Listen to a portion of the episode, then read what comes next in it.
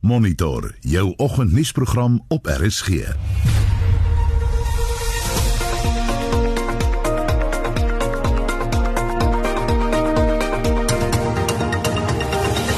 In volgens se program die Suid-Afrikaanse Menseregte Kommissie sê die Wes-Kaapse Onderwysdepartement moet onderrig tot volgende week uitstel soos wat die nasionale departement vereis. The Human Rights Commission is supposed to protect human rights, and one of the fundamental human rights in the Bill of Rights is the right to education. So we are providing the right to education. We're working with the National Minister to do that. Die Hooggeregshof in Pretoria het die inperkingsregulasies van vlak 3 en 4 ongrondwetlik en ongeldig verklaar. Maar wat gebeur nou? Die DA beheerde munisipaliteit op Stellenbosch sê hy gaan voort met die betalingsvakansies vir inwoners wat finansiëel geknou word deur die inperkingsregulasies ten spyte van teenkanting deur die nasionale regering. As daar nie 'n wettige beletsel hierop is nie en as tweedens ook nie 'n morele beletsel hierop nie, dan word die vraag: hoekom is daar weerstand? En leerlinge van die Baai neem tans deel aan 'n virtuele koderingstoernooi. Goeiemôre, my naam is Anita Visser. Baie welkom by Monitor. En ek is Gustaf Vreiling. Môre. Dis nou 12 minute oor 6 jy luister na Monitor op RSG en 'n oorsig van die koerant voorblaaie op Woensdag die 3de Junie. Die burger vanoggend vlak 3 en 4 skend die grondwet, sê hof. En dit na die beslissing deur regter Norman Davis in Pretoria dat die regulasies waaronder ons nou leef ongrondwetlik en ongeldig is, maar dit bly van krag vir 14 dae totdat die minister dit verander en in lyn bring met die handves van regte in die grondwet. Nog 'n berig wat sê vier vas vermoord op Tilbag dokter.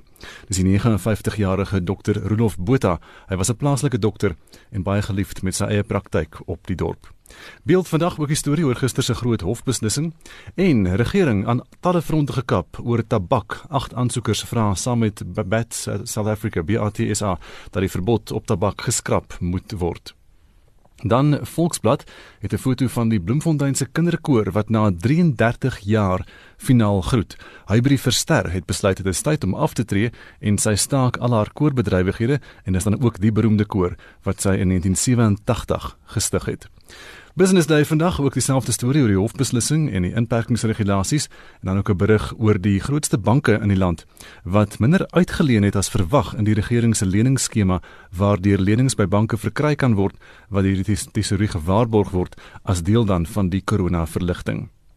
En internasionaal op bbc.com betogers vaar die strate in in Amerikaanse stede ten spyte van die aanklokreëls wat daar ingestel is en polisiebeamptes in Iowa en Georgia wat saam kniel uit solidariteit met die betogings uh, na die dood van die swart Amerikaner George Floyd. Ook 'n uh, Instagram wat uh, swart geraak het gister op Blackout Tuesday met miljoene gebruikers wat 'n swart foto geplaas het onder die hitsmerk Black Lives Matter en soveel so dat die hitsmerk nader aan die netwerk oorstroom het met al hierdie swart fotos uit wêreldwye solidariteit met die betogers. En dis vinnige oorsig van die nuus vanoggend.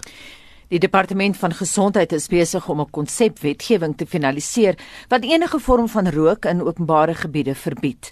Die adjunkminister van gesondheid, Joe Pagla, beskryf rook as 'n toonaangewende risiko vir sterftes in Suid-Afrika. Die nasionale raad teen rook, se Dr. Savera Kalidin, sê intussen minstens 'n miljoen mense het tydens die inperking ophou rook. He focused a lot about the health harm that we have been experiencing, but he also saw the benefits of uh, this period during the lockdown because close to a million people have stopped smoking. And that shows the Department of Health and the government that South Africans themselves have chosen a smoke free lifestyle. And the bill will allow them to have even more public places smoke free. It will introduce regulation of e cigarettes or vape products and also introduce plain packaging with graphic health warnings to inform and educate the public about the harm from all of these tobacco related products. Nou ons wil vanoggend by jou weet, het jy ophou rook tydens die inperking en sal jy weer begin sodra sigarette beskikbaar is of het jy onwettige sigarette ten duurste gekoop? Wat was jou ervaring? Jy kan ook kommentaar lewer op die plan om rook in openbare gebiede geheel en al te verban. Steun jy dit? Jy kan ons 'n SMS stuur na 45889. Dit kos R1.50 of gaan na facebook.com vorentoe skynstreep ZRSG of jy kan vir ons 'n stemnota WhatsApp WhatsApp na 0765366961 0765366961 536 6961. En is nou so 16 minute oor 6 die Suid-Afrikaanse Menseregte Kommissie sê die Wes-Kaapse Onderwysdepartement moet onderrig tot volgende week uitstel soos wat die nasionale departement vereis. Die kommissie vra dat die departement bly by die reëls wat deur die nasionale departement neergelê is, Kobben August berig. Die Menseregte Kommissie sê indien die Wes-Kaapse Onderwysdepartement nie die week skoolonderrig in die provinsie stop nie, sal hy 'n dringende interdik teen hulle kry. In 'n brief aan die provinsiale minister van onderwys, Debbie Schuyfer, vra Andre Gaum, die kommissaris van menseregte, dat die Wes-Kaap hou by die reëls wat deur die nasionale minister Angie Motshega gestel is. Hy sê hierdie week moet gebruik word vir oriëntering en skoonmaak operasies om te verseker dat skole volgende maandag kan oopmaak vir graad 7 en 12 leerders. We believe that all schools need to open at the same time and in cases where schools are not COVID-19 ready then alternative measures should be put in place so that no learner uh, gets left behind. Schaefer sê dat sy niemand sal verhinder om 'n kind klas te gee nie tensy 'n hof dit beveel. Sy het gepraat tydens 'n aanlyn bespreking oor die heropening van skole in die Wes-Kaap. The Human Rights Commission is supposed to protect human rights, and one of the fundamental human rights in the Bill of Rights is the right to education. So we are providing the right to education. We're working with the National Minister to do that. They actually asked me formally in writing to give them undertaking this week that we will not continue with teaching in schools, even if learners come to orientation, that we will not be teaching them any work this week, which in our view is, is contrary to the Constitution and our mandate. Intussen het die South Africa First Forum 'n beroep op president Cyril Ramaphosa gedoen om duidelikheid te gee oor die terugkeer van grade 7 en 12 na skole. Advokaat Rod Solomons, die forumleier, het sowel die departement van basiese onderwys as die provinsiale departement die skuld gegee vir die verwarring. It is incredulous that the minister of basic education is creating so much confusion amongst uh, opening of our schools and then the Western Cape government comes in and weigh in with their own statement, creating more confusion in the Western Cape. At the South African First Forum, we are calling on President Ramaphosa to step in, take charge. Dit is onduidelik wanneer die Menseregte Kommissie die howe gaan nader om die Wes-Kaapse Onderwysdepartement te dwing om skole gesluit te hou. Daar word verwag dat skole in die ander provinsies maandag weer sal open. Ek is Kob in August in Kaapstad. Sandparke is hard aan werk om te verseker dat al 20 van sy parke binnekort kan heropen. Dit volg nadat die departement van omgewingsake aangedui het dat jag, selfritbesoeke aan wildreservate en nasionale parke, sowel as hengel vir ontspanning weer toegelaat word onder vlak 3 van die inperking. Die minister van omgewing, bosbou en visserye, Barbara Krisi, sê dat die parke nog sowat 10 dae benodig voordat hulle kan heropen. I think that part of the reason why Sandparks requires time to prepare is that they have to make sure that those necessary preparations are in place so that we can protect members of the public and also, of course, our own employees. The other area that I think there's a lot of public interest in is this question of recreational fishing. And we know that there are many people who use a recreational fishing permit to fish for food, for the table. I think that there is a lot of excitement that this is permitted. Volgens Krisie het die parke tyd nodig om sanitasiemaatreëls in te stel. What I would really want to say because I know that many nature lovers would be very keen to get back to our national parks and our game reserves and I would really want to urge all those who are interested just to give sand parks adequate time to prepare and to look at the sand parks a website where they will shortly be publishing a list of access control parks that will be open to visitors in the coming days. Nasionale en plaaslike natuurreservate sal self moet bepaal watter tipe besoekers hulle kan toelaat. I think that obviously part of what Sandparks has to look at is also the feasibility of opening all parks or whether that would be sensible. If people can only do day drives, it would be necessary to look at what would be feasible to do in a day. If you take a park like Cape Point National Park, it's an easy day excursion. But if you take a park like the Kharahadi, you would want to do some assessment as to whether it's feasible to open that park under these conditions. Minister Krisi sê die inligting behoort binne die volgende 2 weke op Sanparks se webtuiste gepubliseer te wees. Sy sê haar departement het oor die afgelope 2 maande baie geleer oor hoe om vir die verskillende vlakke van die Grendeltydperk te beplan. One of the concerns we had with level 4 was that when announcements were made, we were not ready with our own regulations, and in fact, we delayed by almost two weeks. So this time round, we have done a lot of pre-planning so that already this week we can publish the directions. So I think that one of the things we've learned is prepare in advance for the next level. But obviously, I think the other issue that we have been confronted with is that many of our sectors are essential services. Dit is die minister van omgewingsake, bosbou en visserye, Barbara Krisi. Mitsi van der Merwe, SAK nuus. En is nou 22 minute oor 6 uur by Monitor op RSG. Die sakeverslag word aangebied deur Dawie Klopper van PSG Wealth Pretoria Oos. Môre Dawie. Goeiemôre Gustaf. Eh, die JSE het gister 'n baie goeie dag gehad toe die JSE algehele indeks met meer as 3% gestyg het. Die mark was aangedryf deur optimisme dat die groeivooruitsigte vir die wêreldekonomie aan die aan die verbeter is.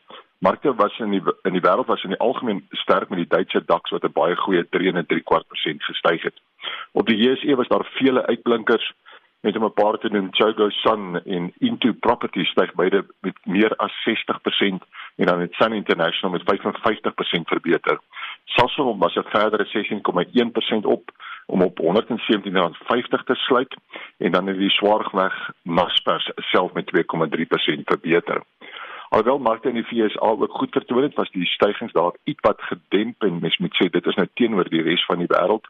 Daar word die afgelope tyd oral gepraat van groen lote wat begin uitspruit met veral beter as verwagte vervaardigingsdata uit China wat sentiment aanhelp.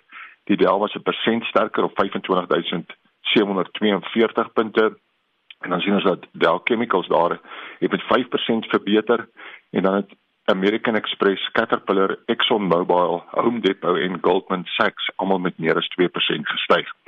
Die S&P 500 was op 0.8% beter en die Nasdaq punt 6 van 'n persent sterker. Zoom, die videokonferensie toepassing maatskappy, het uitstekende resultate bekend gemaak. Ek dink dit was alweer verwag en sy pryse was gisteraand bykans 2% beter, maar het vanjaar tot dusver alreeds so wat 200% gestyg.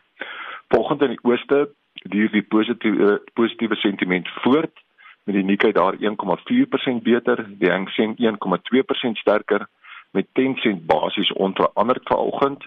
In Australië is die ASX 1,2% beter met BHP Billiton 2,3% hoër.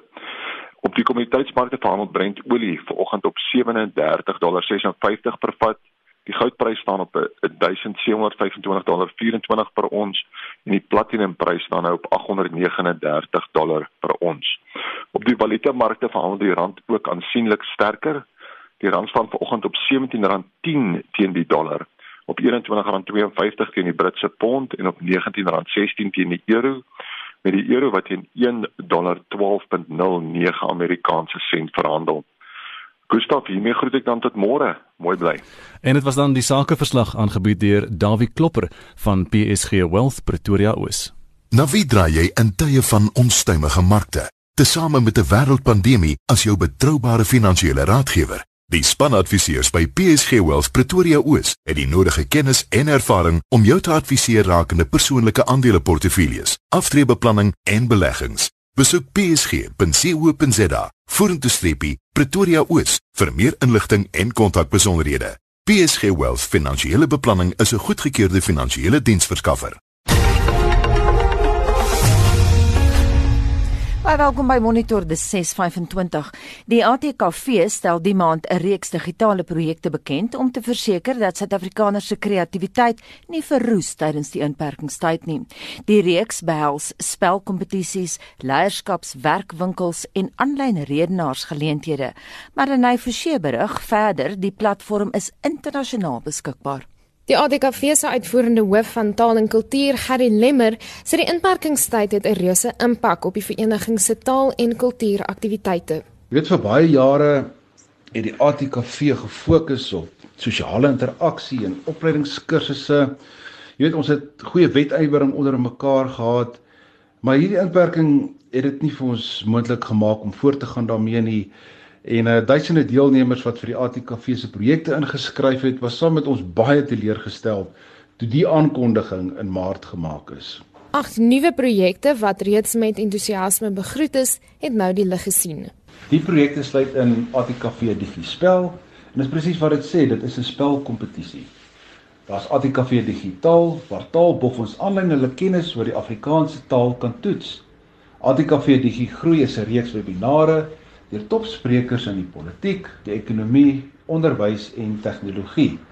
Vir die kindsinniges en skrywers is daar ATKV Digi Skryf en ATKV Digi Kuns. 'n Platform waar jy jou gunsteling Afrikaanse gedig kan kies of natuurlik jou eie ene skryf en 'n visuele interpretasie daarvan in die vorm van 'n oorspronklike kunswerk kan skep. Dan is daar Digi Kaptein waar leerders toegerus word om die beste van hul leierskapsjaar te maak. Die laaste twee digitale projekte wat ons het is ATKV Digi Praat en ATKV Digi Span Praat.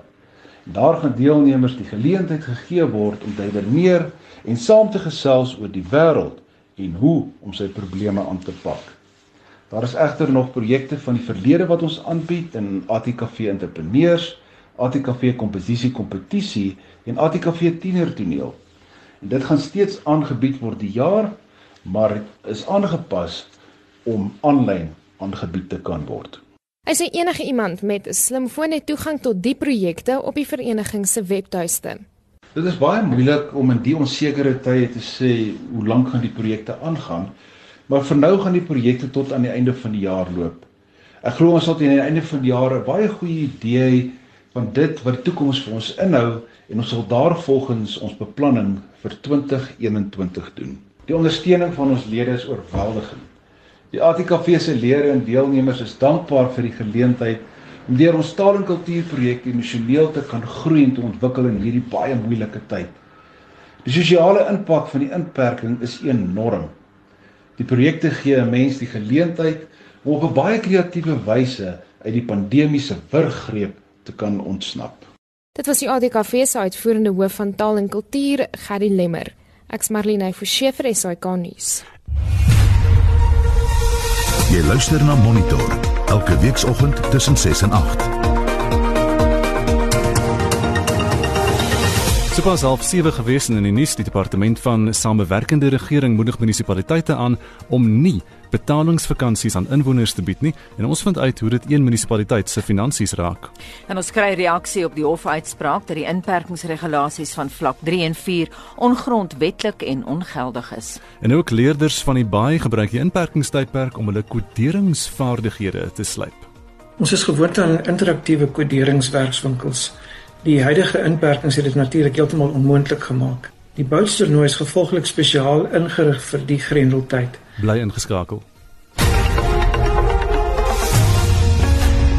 Vincent, ek kan dink daar's 'n stortvloed van kommentaar vanoggend.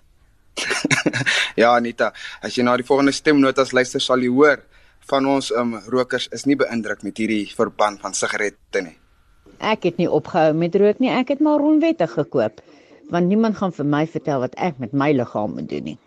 Uh, ek het opgehou rook, ek gaan ook nie weer begin nie. Dis kote hier. Ons rook nog steeds. So ek sien nie hoekom hulle die sigarette verban nie. Want daar's baie mense wat nog steeds sal rook en ons kry dit nog steeds. So ek weet nie hoekom hulle dit verban nie. Môre môre Suid-Afrika. My naam is Louis van Kraaifontein. Ai, as ek nie bly om te hoor dat die ANC regering is besig om hulle self op te hang nie. Nee wat? Rook ons gaan maar nog altyd rook. Al betaal ons maar nou 10 sent of 20 sent of 20 rand. Ja, ons het maar so hier en daar ekstra betaal. Volgende week is die pryse weer terug na normaal as die as die hoogsaak gewen gaan word. Goeiemôre, dis Willem van Bloemfontein. Ek wil graag weet, hoekom wil hulle nou ons mense moet ophou rook wat rook? En die mense wat drink kan aangaan met hulle gedrinkery. Dit is groot onregverdig daarteenoor met die mense wat rook.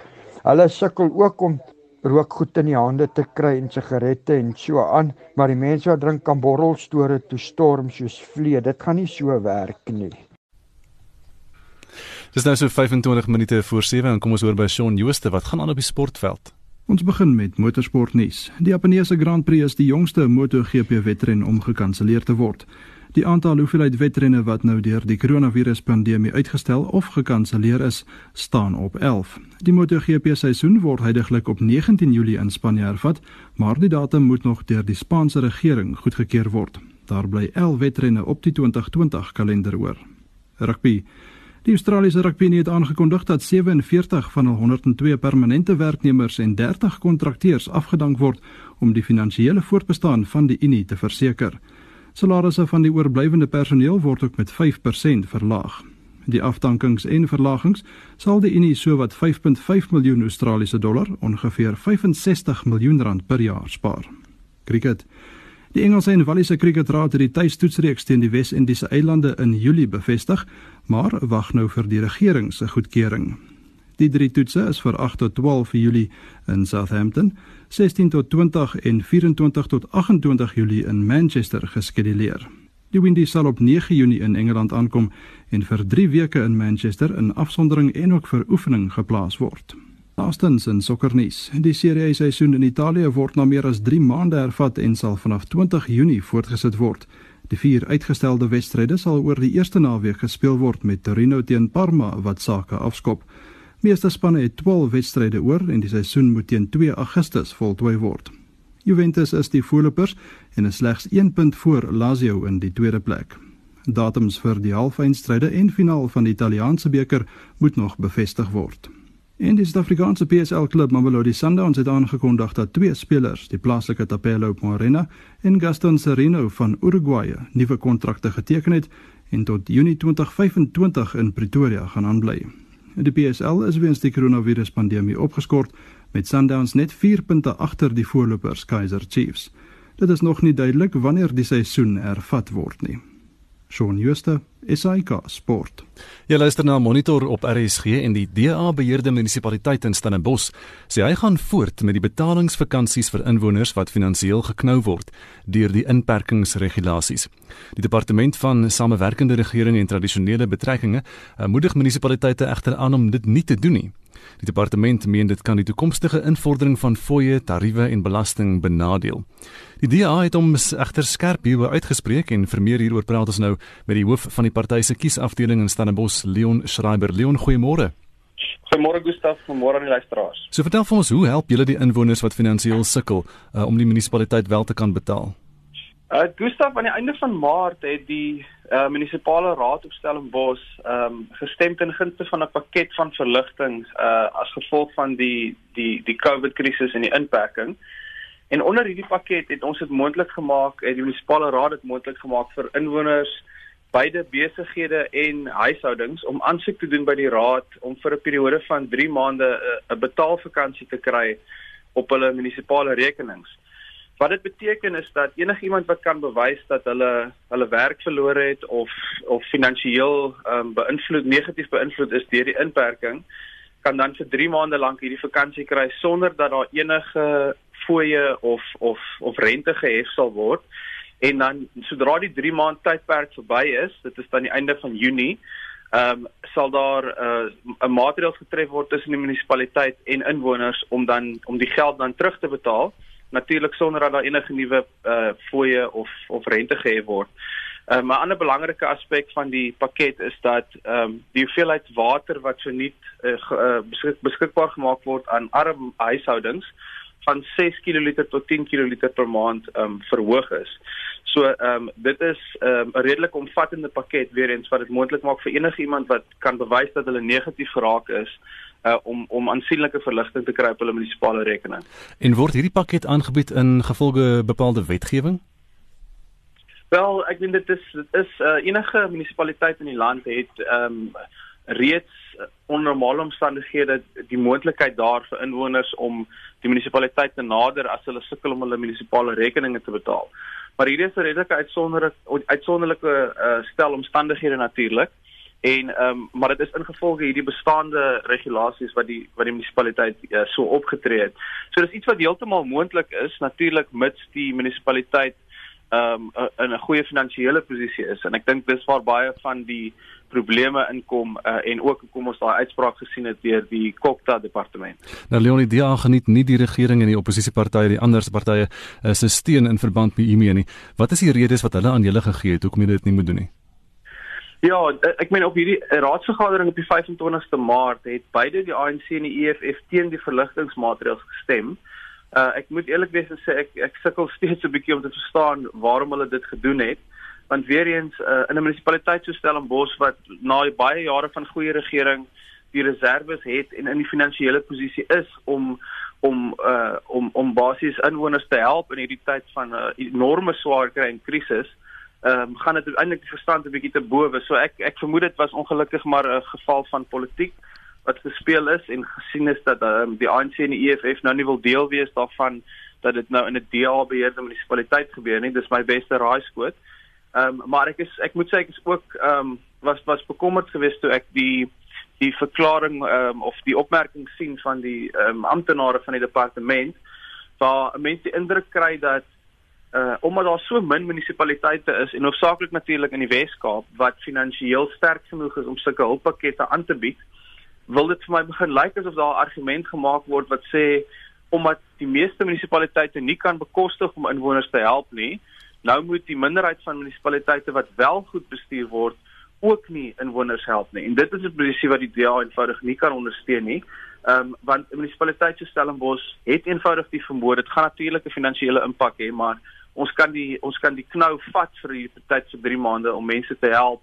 En ehm uh, dis regtig sinneloos om te dink ons moet in in baie gevalle ANC beheerde munisipaliteite nou van vernedering uh teen die vernedering beskerm want die realiteit is nie enkele ANC munisipaliteit in Suid-Afrika het soortgelyke maatreëls ehm uh, ingestel nie. En ons kan nie toelaat dat DA beheerde munisipaliteite dan ook nie sulke maatreëls instel net om te om om 'n politieke uh, speletjie te speel nie. Het hulle dalk 'n punt beter in die sin van dat oor 3 maande gaan Stellenbosch dalk in 'n finansiële gemors kan wees. Hoe hoeveel geld is betrokke? Ja, so die die ander belangrike ding wat natuurlik hiermee saamgaan is dat ehm um, Stellenbosch ook onlangs 'n uh, nuwe begroting reeds goedgekeur het. So ehm um, daai begroting het deur al die normale prosesse gegaan insluitend ehm um, die publieke deelname proses uh waar ons 'n uh, splinter nuwe uh, 'n toep bekend gestel het wat mense kon gebruik om insette te lewer te midde van die inperking.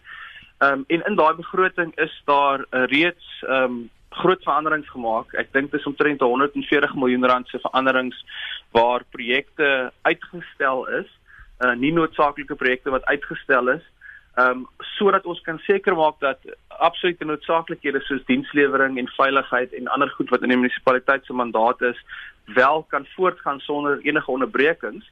Maar die realiteit is of jy nou verligting gaan bied of nie, gaan die inperking enorme impak hê, op die op munisipale finansies.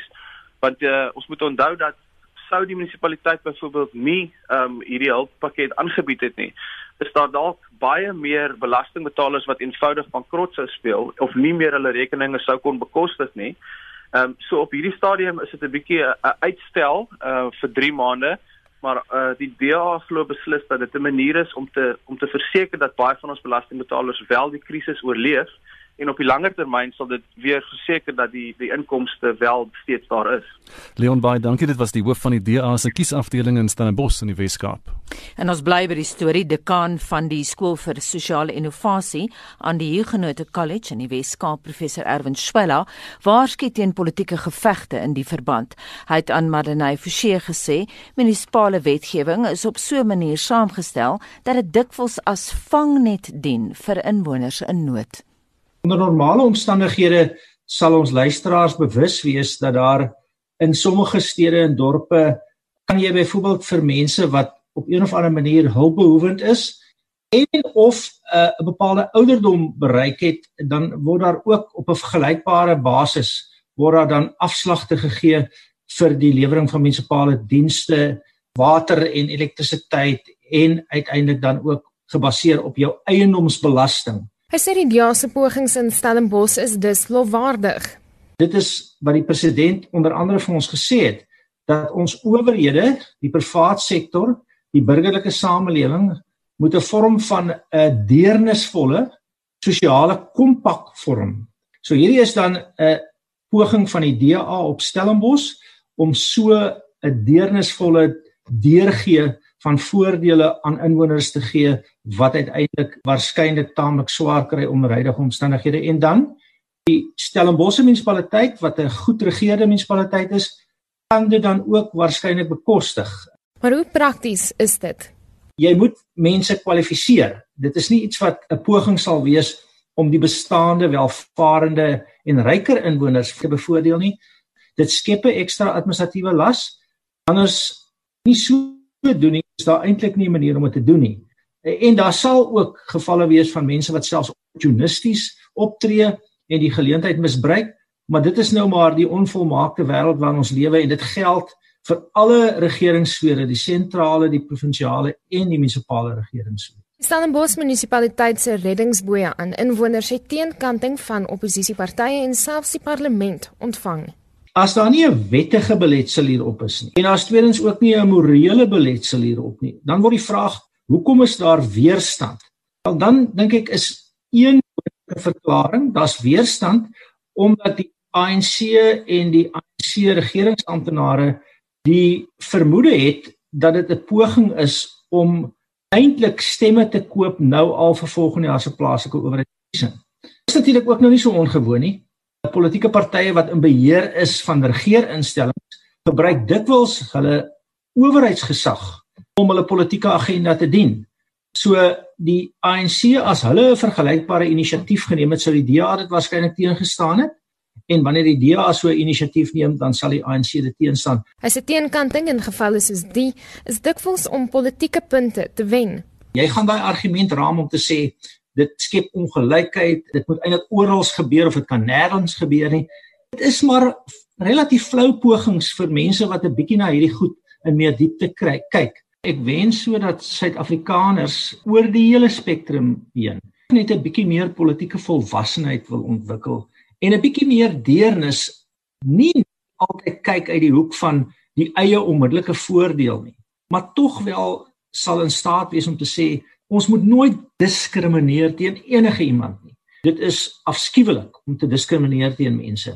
Maar soms is daar stelsels waar jy kan diferensieer en in die gevalle waar jy kan diferensieer ten gunste van die armes en die mense wat swaar kry. Dit ons dit almal regtig aan te moedig en nie te gebruik om 'n paar politieke punte te probeer optel op die kort termyn nie. Dit was die dekaan van die skool vir sosiale innovasie aan die Huguenot College in die Wes-Kaap, professor Erwin Schwella.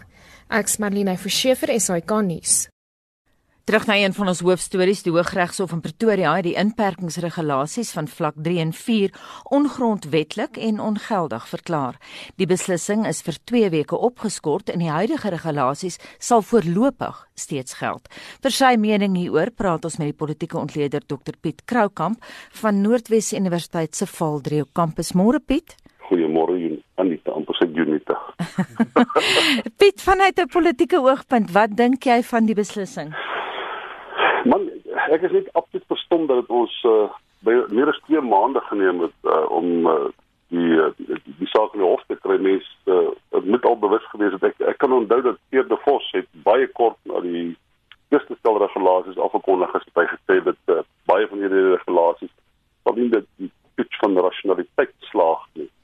En dan word dit uh, die regulasie met 'n verband gebring word met die doelstellings van die van die Grendelstaat. Uh, dit kan nie arbitrêr wees nie en uh, dit moet 'n bepaalde mikpunte hê. Hy het gesê toe het hy al gesien dat dit onwaarskynlik is dat al die regulasies uh, aan daardie doelstelling sal voldoen.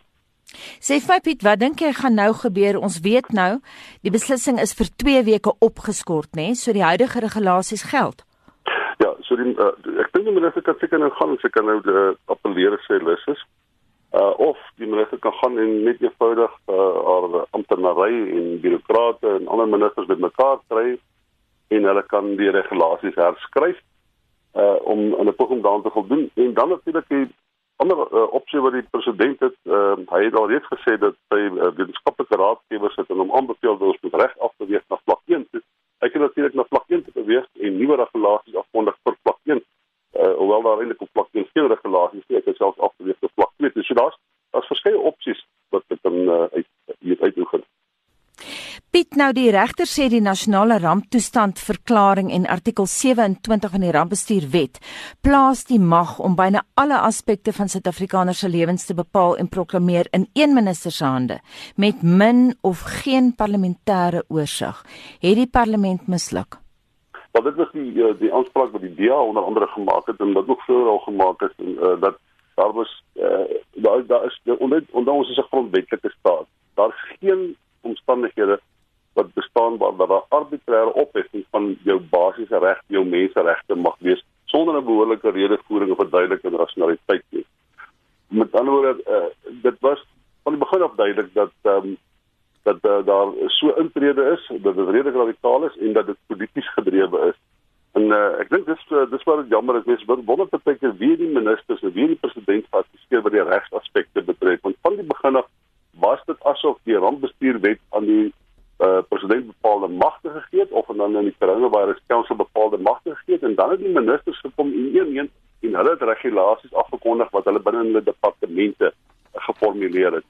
En uh, die die regte sê dat hierdie regte was op 'n paternalistiese wyse geformuleer. Sonder 'n agneming van die basiese menseregte van mense en sonder 'n agneming van die grondwet as dit ware.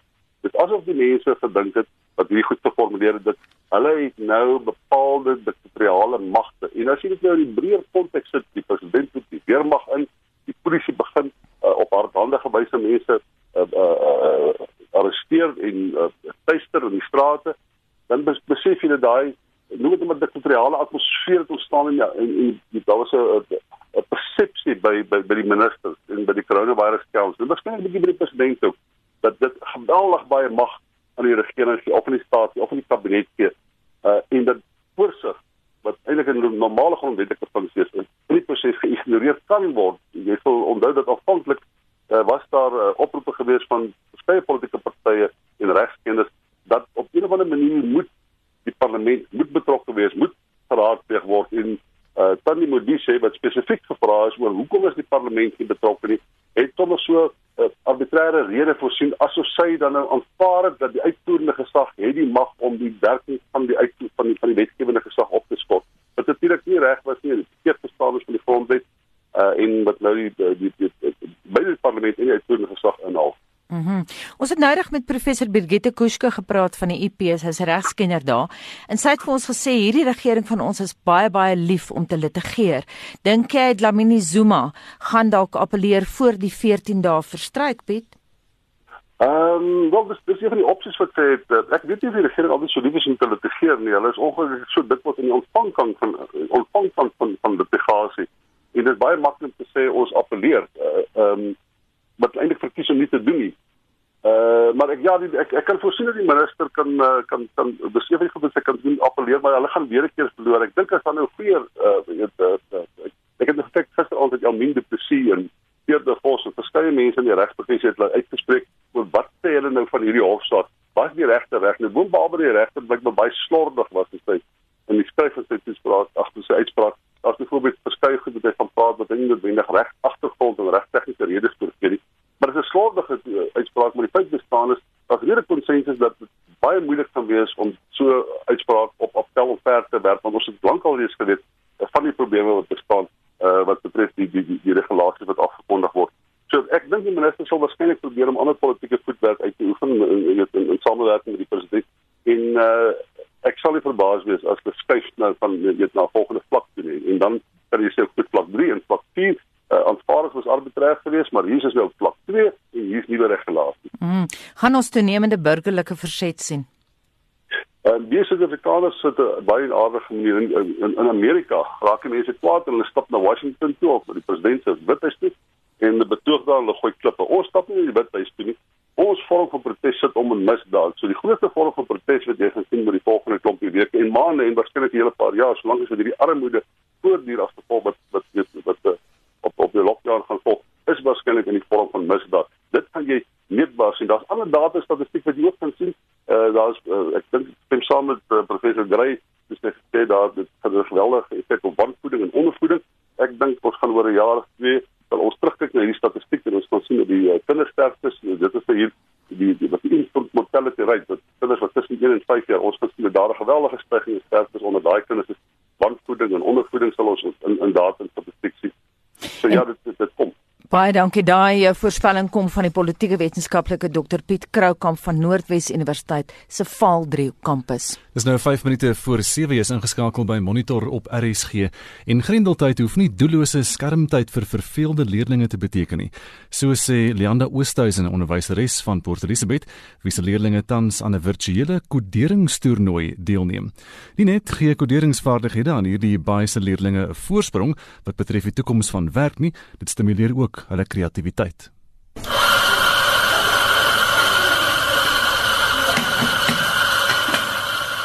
Vir elk van die 150 leerders wat tans aan die nasionale boutstoernooi deelneem, word 'n varsgemaakte koppie koffie vir hospitaalwerkers in Port Elizabeth bedien. Dit is deel van die Red Band Barista Akademie se nuwe koffie vir helde veldtog waarin werklose jeug nou mediese op die voorste linie van die COVID-19 pandemie bedien.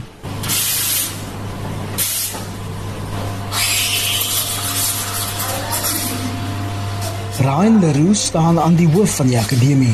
One of the things that really sucks about lockdown is that we have to close our red band coffee bars. That means that our red band baristas are out of work at the moment and are struggling to provide for their families. So we've come up with a plan.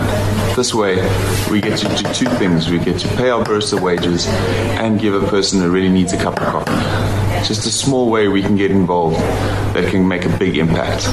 Babsi Mkya is een van die werklose jeugdiges wat deur die akademie opgelei word. We make coffee for all the doctors around PE during this hard time in our country. We're making them feel appreciated and the smile on their face when they receive the coffee is priceless. Bouts is 'n inisiatief van Jean Greiling, 'n rekenaarwetenskap professor by die Nelson Mandela Universiteit. Hy en sy span het al meer as 20000 leerders aan die wonderwêreld van kodering bekend gestel. Ons is gewoond aan interaktiewe koderingswerkswinkels. Die huidige inperkings het dit natuurlik heeltemal onmoontlik gemaak. Die boutstoernooi is gevolglik spesiaal ingerig vir die grendeltyd. Leerders neem deel op hulle selfone en dit is nie rekenaars by die huis nodig nie. Hulle gee opdragte vir 'n bootjie om rond te beweeg op die skerm en plastiek op te tel uit die oseaan. Daarna kry hulle veelvuldige keuse vrae oor marine besoedeling om punte te verdien. Aan die einde van 'n sessie word die punte outomaties ingestuur via e-pos waardeur die leerder dan deelneem aan die toernooi. Kodering word wêreldwyd as een van die nuwe basiese lewensvaardighede beskou. Sagteware ontwikkeling is een van die skaarsste vaardighede in Suid-Afrika en meeste van die wêreld. Ons regering neem dit ook in ag en is besig om kodering en robotika in ons laerskole in te bring as 'n vak Die harde realiteit is dat 16000 van ons skole het nie rekenaars nie. Gevolglik het ons hier in Port Elizabeth begin met selfoon toepassings. Ons het 3 tanks, boats en rangers waarmee ons kinders by skole voorstel aan rekenaarprogrammering sonder dat ons rekenaars nodig het. Met die COVID-inperkings einde Maart het ons dadelik besef dat ons projek met die tasbare legkaartstukke en selfone in interaktiewe werkswinkels by skole nie meer kan voortgaan ten minste seker vir die res van die jaar nie. En gevolglik moes ons dink aan 'n alternatiewe plan. Meer as R15000 in harde kontant is op die spel vir die wenskool en leerders. Leanda Oosthuizen is 'n inligtingstegnologie onderwyser by die hoërskool Alexander Road in die Baai.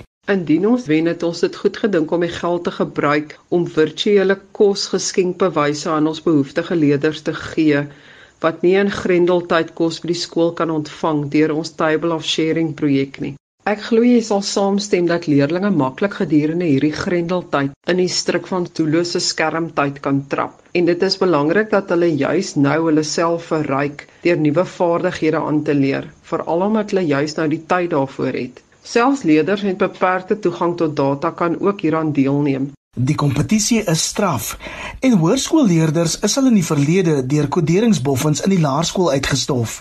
Renée Smit verteenwoordig haar skool, die Global Leadership Academy in Jeffreys Bay. En hoekom ek baie van bouts hou is omdat dit aan jou geheue werk. Jy moet onthou hoe moet jy beweeg, jy moet weet watter rigting jy beweeg en jy moet onthou want jy kry nie meer kans te kyk nie en dit is nogal goeie oefening om jou geheue te toets om te onthou wat jy moet doen. Simam Kellen Kasani van Hoërskool Newell in New Brighton in die Baai neem vanjaar vir die tweede keer deel. I like to play boats because it teaches me about coding. One day I want to be a computer programmer. It's also a lot of fun and I'm always excited to try and get higher score. Greiling sê laatslapers kan nog tot Vrydag vir die koderingstoernooi inskryf en deelneem. Ek is Iver Price vir SAK nuus. En dit bring ons by die 7 uur nuus.